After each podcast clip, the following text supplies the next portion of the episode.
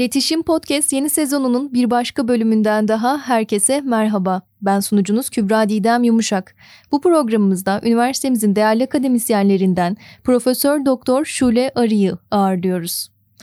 Lisans hayatına İstanbul Üniversitesi Fen Fakültesi Biyoloji bölümünde başlayan Profesör Doktor Şule Arı, aynı üniversite ve bölümde yüksek lisans ve doktorasını tamamladı bölümüne dair birçok idari rolü de üstlenen hocamız biyoteknoloji alanında ulusal ve uluslararası olmak üzere birçok çalışmada yer almıştır. Bugün biyoteknolojinin beslenme kültürü ve alışkanlıklarımıza etkilerine dair konuşacağız. Şule Hocam hoş geldiniz. Nasılsınız? Hoş bulduk. Çok teşekkür ederim. İyiyim. Burada olmak çok güzel. Sizi burada görmekten bizler de çok mutluyuz. Öyleyse ilk sorumuzla başlayalım istiyorum programımıza. Genetiği değiştirilmiş gıda sürekli duyuyoruz fakat bu nedir ve bu gıdaları dışarıdan ayırt etmek mümkün mü diye sormak istiyorum. E, genetiği değiştirilmiş gıda aslında bizim gıda olarak tükettiğimiz çoğunlukla da bitkisel gıdaları çağrıştıran bir kavram. Oysa genetiği değiştirilmiş organizma ifadesini kullandığımız bir kavram daha var ki o bitkiler, hayvanlar, mikroorganizmalar olmak üzere çok daha büyük bir canlı çeşidini kapsıyor.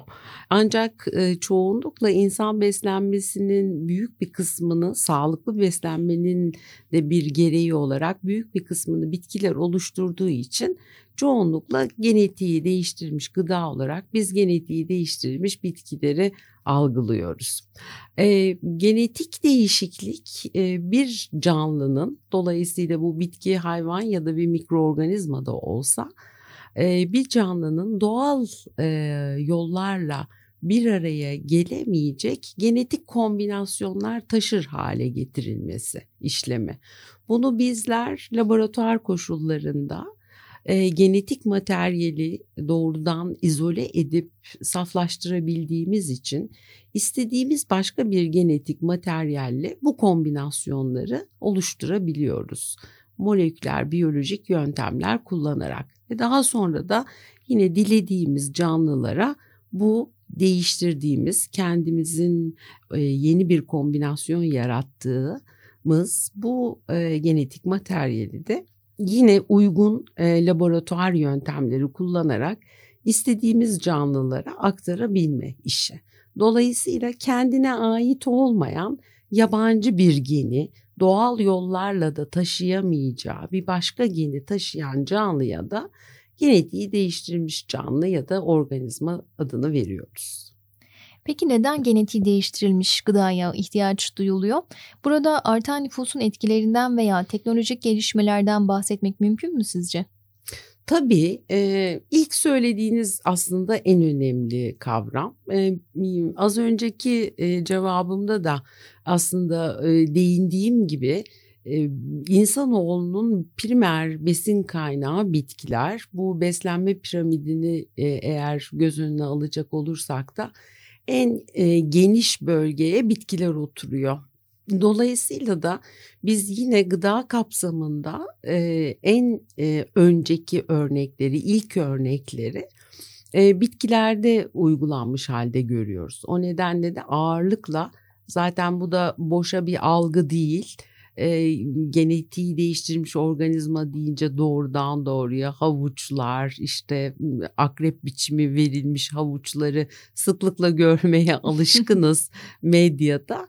E, çünkü e, ilk uygulamalar bitkiler üzerinde yapıldığı için aslında e, bu uygulamalar az önce sözünü ettiğim moleküler biyolojik yöntemler diye e, kısaca bahsettiğim şey rekombinant DNA teknolojisi ya da diğer adıyla genetik mühendisliği teknikleri e, dediğimiz e, tekniklerle gerçekleştiriliyor. İçeriğini bu oluşturuyor ve bu teknikler 70'li yıllarda ortaya çıkmış ve ilk uygulamaları ee, insanlarda çeşitli hastalıkların tedavisi için kullanılabilecek proteinlerin üretimi için e, rekombinant yani genetiği değiştirilmiş mikroorganizmaların oluşturulması olmuş. Hemen ardından 83'te bu Hemen ardından 84'te de bitkilere uygulanmış. Neden bitkiler e, tıpla birlikte tıp uygulamaları kadar e, ağırlıkta gitmiş bu teknolojiden nasibini almış. Çünkü biz onları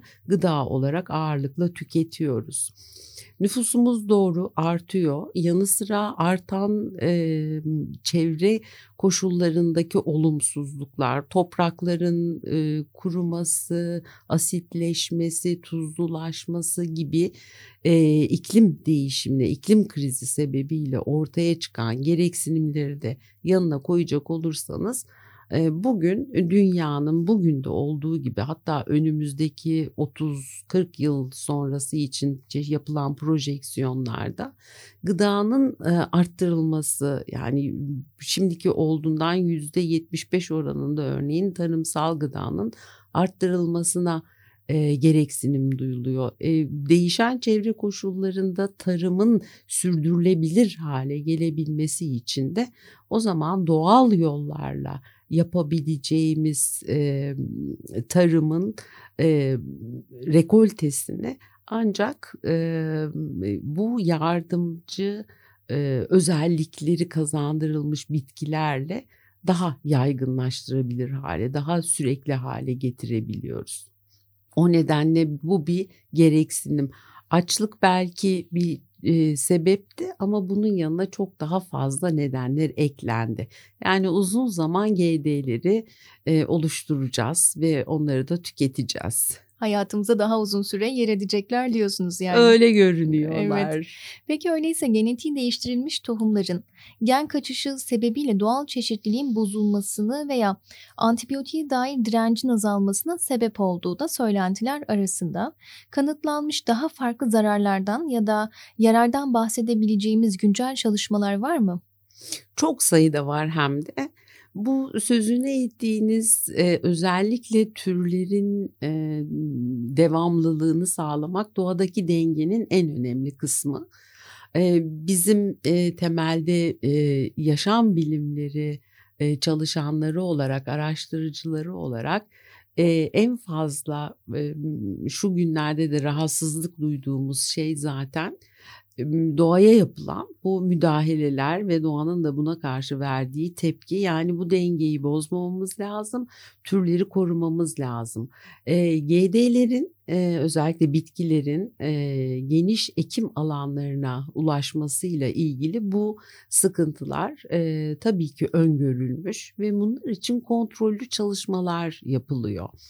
Ee, ve yapılan çalışmalar uzun yıllara tabii dayalı etkilerinin belirlenebilmesi son derece yine önemli. Gerek insan sağlığı, gerek hayvan ve gerek diğer bitkilerin sağlığı ve e, yine e, türlerin korunması bakımından ayrıntılı çalışmalar yapılıyor. E, ve bu çalışmaların yani çok özetle söylemek gerekirse e, hemen olumsuz anlamda etkilerinin hiç olmadığı konusunda da bilimsel veriler var. Ama bu şu demek değil ki bugüne kadar böyle e, sıkıntılar çıkmamış bundan sonra geliştirilecek olanlar da çıkmayabilir. Dolayısıyla bugün üretilen her bir GD için çok ayrıntılı testler yapılmadıkça onların e, pazara çıkması kesinlikle e, yasak. Birçok ülkede böyle. Bizim ülkemizde de zaten genetiği değiştirilmiş bitki üretimi e, kanunen yasak. o nedenle biz herhangi bir GD bitki ekmiyoruz e, ülkemizde. E, antibiyotik dirençliliği konusuna gelince burada e, aslında bu da bir parça eskilerde kalan bir kavram. Çünkü günümüzde artık antibiyotik dirençliliği e, özelliğini taşımadan da GD üretimi yöntemleri gelişti. E, o nedenle e, bunların e, da oluşturduğu sakıncalar aslında e, denildiği gibi değil. Az önce sözüne ettiğim gibi bir GD'nin markalı bir patentli bir ürün haline gelebilmesi çok uzun yıllar alıyor. Üretiminden daha uzun zaman alıyor. Yaklaşık 10-12 yıl kadar yapılan e, hem arazi denemeleri hem toksikolojik testler, hayvan deneyleri ve benzeri ayrıntılı tekniklerle incelenerek ancak bütün bu sizin söylediğiniz bu olumsuzluklara en ufak bir katkısı varsa zaten üretimi e, engelleniyor. Anlıyorum. Konu ülkemize gelmişken de şunu sormak istiyorum. Türkiye pazarında satılan soya ürünlerinde genetiği değiştirilmiş organizmaların tespiti üzerine bir çalışmanız var. Çalışmanızdan da hareketle sormak istiyorum. Türkiye ölçeğinde GDO'lu ürünlerin hayatımıza yansımaları nelerdir? Ee, bunu da bir önceki soruda bir parça değinmiştim aslında. Bizim bir biyogüvenlik kanunumuz var. 2010 yılından itibaren yürürlükte. Ee, ve bu kanuna göre Türkiye'de genetiği değiştirilmiş bitki ve hayvanların üretimi yasak. Eğer bu bir biçimde yapılacak olur ise bunun doğrudan doğruya yapan kişi için hapis gibi de cezaları var üstelik. Hatta bu bizleri bile bir anlamda e, kapsıyor bu e, bir şekilde. Çünkü bizler de bu alanda çalışan araştırıcılarız ama kanun aynı zamanda bize laboratuvar çalışması imkanı veriyor. Buna kapalı ortam adını veriyoruz. Ama e, herhangi bir biçimde gerek zirai özelliği bakımından ya da gerek pek çok kullanımı var GD bitkilerin bu arada. Onlarda da ilaç üretebiliyoruz. Örneğin Covid aşısını üreten bitkiler de yapabilmek mümkün. Böyle çalışmalar da var. Ülkemizde de var. O nedenle e, bunları biz kapalı ortamlarda yapıyoruz. Yani tarlaya ekimi mümkün değil. Ancak ithal e, edilen bir takım soyalar ve mısırlar da var. Bunların hayvan yemi olarak e, kullanımına izin verilmesi söz konusu. Bunu yapmak isteyen ithalatçı da doğrudan e, bakanlığa, Tarım Bakanlığı'na başvurmak zorunda ve e, Tarım Bakanlığı'nın e, kurduğu e, komisyonlar sayesinde araştırılıp bu başvurular incelenerek eğer ülkemiz için yine işte endemik türlerimizi etkiliyor mu, bizim ekonomimizi etkiler mi, hayvanımıza, bitkimize ne gibi bir zararı olabilir, insanın yerse bunu ne olur gibi bütün bu testler yapıldıktan ve bu kurul tarafından onay verildikten sonra e, bunlara izin veriliyor. Ama sadece altını çizerek söylemem lazım.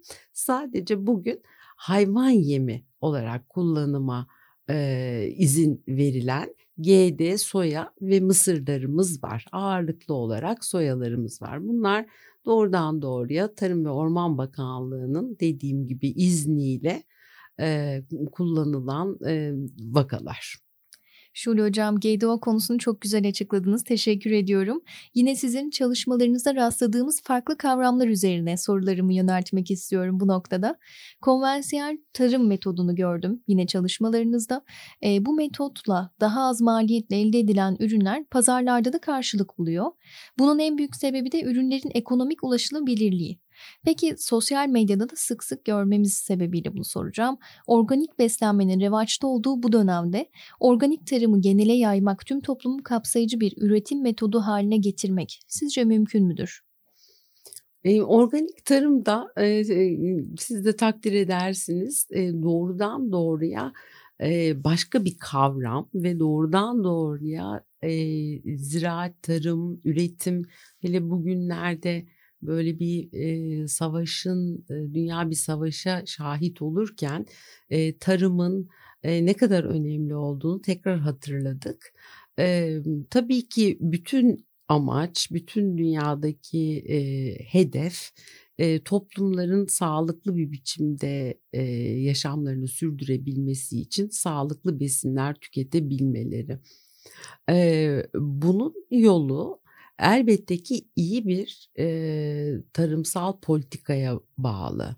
Organik besinler burada bir çıkış yolu gibi e, karşımıza çıkıyor. Biz e, onların işte uzun yıllardır tarımının yapıldığı atalık tohumların kullanımıyla yine e, farklı kimyasalların gübre ve benzeri hiç bulaşmadığı topraklarda yetiştiğini biliyoruz. E, tabii ki bu e, bir üretim yön, yolu. E, bu yol da geliştirilebilir. Ama bütün bunların hani altyapısının çiftçi tarafı, buna yapılacak olan e, destekler hı hı. ve benzeri gibi kavramlarla birlikte değerlendirilmesi e, gerekir ki o da e, gerçekten iyi bir yapılanma, bir yönetim, bir politika işi çok yönlü bir çalışma gerektiriyor diyorsunuz kesinlikle, yani. Kesinlikle. Peki öyleyse biraz da şu teknolojik gelişmeler dolayısıyla hayatımıza giren biyoteknoloji kavramını konuşalım. Biyoteknoloji baktığımızda ülkemiz adını sıkça duymadığımız bir alan. Fakat siz bu alandaki bir araştırmacı olarak gıda endüstrisinin gidişatını ve aynı zamanda gelecekteki dinamiklerini nasıl yorumlarsınız? Birincisi bunu merak ediyorum. E, ve ardından biyoteknolojik besinlerin geliştirilmesindeki sebep nedir? Buna neden ihtiyaç duymaktayız? Bunu da cevaplarsanız çok sevinirim. Çok teşekkürler. Güzel bir soru bu. Şimdi kavramlar genellikle tabii birbirinin çok içerisinde. Ee, ve e, aralarından bir tanesinin e, bu birbiriyle ilişkili olan kavramların birinin zaman zaman öne çıkması epey bir kafa karışıklığına sebep oluyor. Aslında deminden beri konuşmuş olduğumuz genetiği değiştirilmiş organizmalar birebir bir biyoteknoloji ürünü. Ama biz biyoteknolojiyi bugün e, belki de içinde bulunduğumuz bu salgın sebebiyle rekombinant aşılarla, mRNA aşılarıyla gündeme geldiğini e, gördük. Daha çok içimize girdi ama biyoteknoloji öyle bir teknoloji ki insanlığın varlığından beri var olduğu süreçten itibaren var. Yani milattan öncesindeki e, zamanlardan beri biz e, alkol üretimine bağlı çeşit çeşitli e, yiyecek ve içeceklerin üretildiğini biliyoruz. Peynirin mayalandığını, ekmeği, şarabı, birayı. Amerika'nın keşfi sırasında e, Kızılderililerin e, Mısır birası içtiği mesela e, belirlenmiş. E, o nedenle çok uzun bir zaman. Tabii ki bilimsellik kazanması çok daha sonraki yıllara dayanıyor. Bugüne gelmesi ise çok basit. Biyoteknolojiyi tanımlamak da çok zor belki ama çok basit bir biçimde söylemek gerekirse e, biyolojik objelerin ki bunların içerisinde canlıların her türü ve canlılıkla ilgili her türlü molekülden tutun e, organizasyona kadar farklı birimleri alabilirsiniz. Bunları bir e, teknoloji ki birçok teknolojiyi kullanıyoruz biz gen teknolojisi, kimya mühendisliği ve mühendislik dallarında bir araya getirerek ya bir ürün üretmek ya da insanlığa bir hizmet e, etmek gibi değerlendiriyoruz. Örneğin e, bazen genetiği değiştirmiş bazen de genetiği değiştirilmemiş e, de olabilir e, kirli suların temizlenmesi de bir biyoteknolojidir ve hizmettir ama orada amaç bir ürün değil. Oysa e, rekombinant yolla üretilmiş bugün şeker hastalarının e, kullanmak zorunda olduğu insülin 80'li yıllardan itibaren eczanelerde satılıyor. Bu da biyoteknolojik ve rekombinant bir ürün. Bir GD yani genetiği değiştirilmiş organizmanın ürettiği bir ürün. Hı hı. Ama biz onu ne biyoteknoloji diye biliyorduk ne de GD diye biliyorduk. Doğru. Biyoteknolojinin adının duyulması benim için çok büyük mutluluk veriyor ve öyle bir yere geldik ki artık bugün biyoteknoloji benim de o konularda hizmetlerim de oluyor, desteklerim oluyor. Ee, ki onun için de çok mutluyum.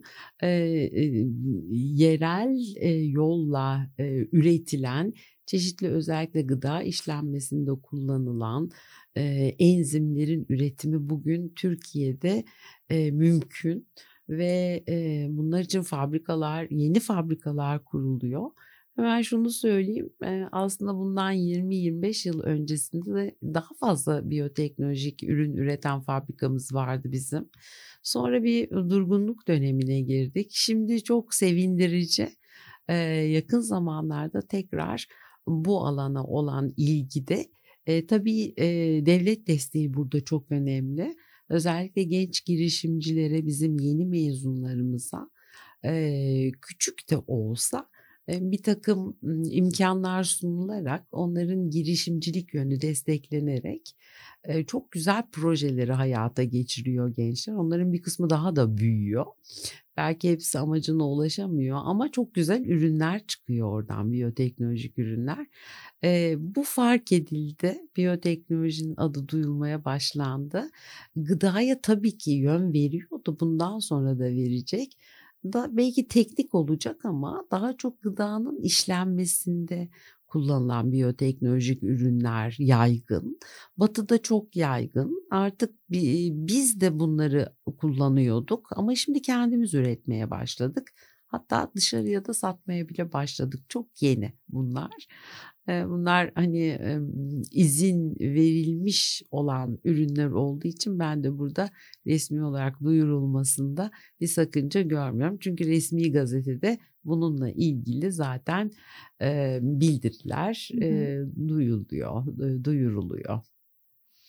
Çok güzel gelişmeler varmış öyleyse. Biz de Öyle sayenizde gerçekten. bilgilenmiş olduk. Çok teşekkür ediyorum. Belli ki yapay besinler konusunda da oldukça yabancıyız. Fakat hayatımızın ilerleyen süreçlerinde yer edinecek konulardan birisi de bu. Öyleyse diğer sorumuzu bunun üzerine sormak istiyorum. E, yapay besinlerin doğayı korumak ve üretimi arttırmak için tercih edildiği söylenmekte. Peki bu durum ilerleyen yıllarda beklenmedik sağlık krizlerine yol açabilir veya yeni hastalıklar üretebilir mi sizce? Özellikle yapay etle ilgili bazı gelişmeler daha göze çarpıyor bu konuda. Çünkü yine yapılan araştırmalar göstermiş ki özellikle büyük baş hayvanların yetiştirilmesiyle karbon salınımına maalesef yapılan katkı büyük. Özellikle bu Güney Amerika'da yapılan çalışmalarla ilgili veriler var. E, ve bu hesaplamaya göre e, eğer yapay et üretimi çünkü et dediğimiz şey yani hayvansal bir protein dolayısıyla yani kası oluşturan proteinler biz bu m, genetik mühendisliği çalışmalarıyla protein üretimi e, yapabiliyoruz. İnsülin de bir protein aslında hormon cinsi bir protein ama tabii onu terapötik amaçlı kullanıyoruz. Sonuçta bu teknoloji vardı bu amaçla kullanılsın mı? ile ilgili girişimler var yok değil. Alternatif gıdalar e, ama ben çok fazla yaygınlaşabileceği e, görüşünde değilim. Böyle düşünmeme sebep olan da birkaç örnek var ee, örneğin yine e, bundan e, yaklaşık 20 yıllık bir e, hikayesi var. E, İngiltere'de izin verilen e, yine aslında bir çeşit e, mantar türü ama bizim yediğimiz normal mantar mantarlar çok e, değişik grupta organizmalar, farklı şekillerde olabiliyorlar. Bizim gözle gördüğümüz yani yemeklik olarak tükettiğimiz bu şapkalı mantarların dışında başka bir grup mantarın sadece protein içeriği fazla olduğu için bol miktarda üretilip bunun daha sonra işlenerek paketli bir biçimde kullanımına e, İngiltere izin verdi. Ee, ve bu çok fazla yaygınlaşamadı. Çok temiz bir teknoloji. iyi bir ucuz bir protein kaynağı. Çünkü çok ucuza üretebiliyorsunuz. Ee, eğer bunu da uygun bir biçimde işleyip paketleyip e, sevdirebilirseniz gıdada böyle bir şey var. Sevmek, yatkınlık, ağız tadı, kültür bunlar çok önemli. O nedenle ben e, çok fazla böyle basılmış hamburgerlerin bizim soframıza gireceği 3D printingle basılmış hamburgerlerin soframıza çok yerleşeceğini çok fazla düşünmüyorum. Yani geçmişe bakarak. Ama eğer bu yine bizim kaynakları ne derece hor kullandığımızla ilgili yani girdi hesabıyla çıktı hesabını yine karşılaştırmak yine bu bir politika olacak aslında. Anlıyorum. Peki öyleyse son sorumuza doğru yaklaşıyoruz. Biyoteknolojik gelişme bizim sosyal hayatımıza ya da daha önceden bahsettiğiniz gibi kültürel alışkanlıklarımıza da dokunan bir yanı var. Bütün gelişmelerin olduğu gibi. Bu noktadan hareketle tarım hukuku alanında üretici haklarını korumak için yıllardır sürdürülen yaygın bir mücadele olduğunu biliyoruz. Biyoteknolojik gelişmelerin üretim metotlarını laboratuvarlara taşımasıyla ekonomik güç kaybedecek olan yerli üreticiler için bu anlamda hak kayıpları veya sosyoekonomik problemleri meydana gelecek mi? Ve bu konudaki gidişatı ülkemiz konjonktüründe nasıl değerlendirirsiniz? Ee, yine e, konuşmamızın e, önceki bölümlerinde sözünü ettiğim e, 2010 yılı tarihli biyogüvenlik kanunu yapılırken belki de bu kadar sınırlı hükümlerinin olmasının en önemli nedeni bizim ülkemizde endemik dediğimiz yani bizim ülkemizde yetişen özellikle de e, bitkiler ama hayvanlarımızın arasında da çok sayıda endemikler var. Böceklerimizin arasında örneğin. E, ama bitki çeşitliliğimiz bakımından dünyada gerçekten çok özel bir coğrafyaya sahibiz. Çok zenginiz. Yani toplam bütün Avrupa kıtasındaki bitki çeşidinin e, türü kadar e, Türkiye'de e, Türkiye topraklarında bitki çeşidimiz var. Dolayısıyla da bunların korunabilmesini sağlamak için bu kadar hani e, sert denilebilecek önlemler alınarak GD üretimi yasaklanmış. E, yasağın konulmasının temel sebebi yasağı hazırlayanlarla e, tarafından doğruca ifade edilen yönü böyle ki tabii bunda bir mantık var. Doğru biz türlerimizi korumamız, korumalıyız. Onları yetiştiren e, çiftçimizi tabii ki korumalıyız. E, ancak bir taraftan da bunun korunması için GD teknolojisinin e, zararı ya da yaygınlaşması çok da fazla koşul koşukluk oluşturmuyor. Çünkü bizim ülkemizde zaten GD tarımı yapılmıyor ama halen çiftçilerimizin bazı sorunları var. Halen onlar e, atalık tohumlarını yetiştirebilmek için bazı sıkıntılar e, içindeler. E, ancak e, teorik olarak sizin sorduğunuz ya da altını çizdiğiniz sorunlar olabilir mi? Evet olabilirdi. E, ya da olabilecek olan ülkeler olabilir. E, ama örneğin Amerika'da hala kızıl derillerin e, tohumları üretiliyor. Onların mısırları ben gördüğüm zaman tadına da baktım. Olağanüstü bir şey. Ona mısır demezsiniz. Yine pirinçleri duruyor. Ama yanında bir taraftan da e, GD'leri üretmek zorunda. E, en büyük GD üreticisi, GD bitki üreticisi Amerika Birleşik Devletleri. Yani o örnekte bile e, yanında diğerlerinin e, devam ettirilebilmesi mümkün. Yani yine oraya dönüyorum belki. Bunlar e, neyi seçelim, nasıl seçelim, bizim için hangisi doğru olur, bunu nasıl yönlendirelimle ilgili yani bir parça e, yine tarım politikası ile ilişkili olan konular. Şule Hocam sunduğunuz tüm bilgiler için çok teşekkür ediyorum. Hem çok bilgilendiğim hem çok şaşırdığım bir sohbet oldu kendi adıma. Umuyorum dinleyicilerimiz de aynı şekilde düşünecekler. Peki sizin eklemek istediğiniz bir şey var mı? Ben de çok ama çok teşekkür ederim. bu fırsatı aslında bulduğum için de çok mutluyum. Çünkü bu konular gerçekten ne kadar konuşulursa o kadar iyi bizim ben genetiği değiştirilmiş kendi bölümümde genetiği değiştirilmiş organizmalar biyoteknoloji isimli çeşitli dersler veriyorum. İnanın bana üçüncü sınıf moleküler biyoloji genetik bölümü üçüncü sınıf öğrencileri dahi bu, burada sözünü ettiğim bazı örneğin yasakların olduğunu ya da bu kontrollerin yapıldığını ya da bizde bir GD e, üretiminin olmadığı konusunu hayretle karşılıyorlar. E, galiba bir parça daha e, duyurmamız, konuşmamız gerekiyor. Biyoteknolojiden hiçbir zaman korkmamalıyız. Daha doğrusu e, yeni teknolojilerin e, hiçbirinden belki korkmamamız lazım. Ancak e, iyi anlamak ve e, gerçekten olabilecek zararları e, iyi değerlendirmek ve gerekli regülasyonlar altına bağlamak en önemlisi. Burada bilinç çok önemli. Biz aynı zamanda bu alanda çalışacak olan öğrencilerimizi yetiştirirken birinci derecede de ilk dersimizde onlara bunları anlatıyoruz. Etik değerler, ve çevreye, doğaya olan saygımızı asla yitirmememiz lazım. Çünkü görüyoruz doğaya biz karşı çıkarsak o bize çok sert cevaplar verebiliyor. Çok doğru söylüyorsunuz. E, katkılarınızdan ve katılımınızdan dolayı çok teşekkür ediyorum.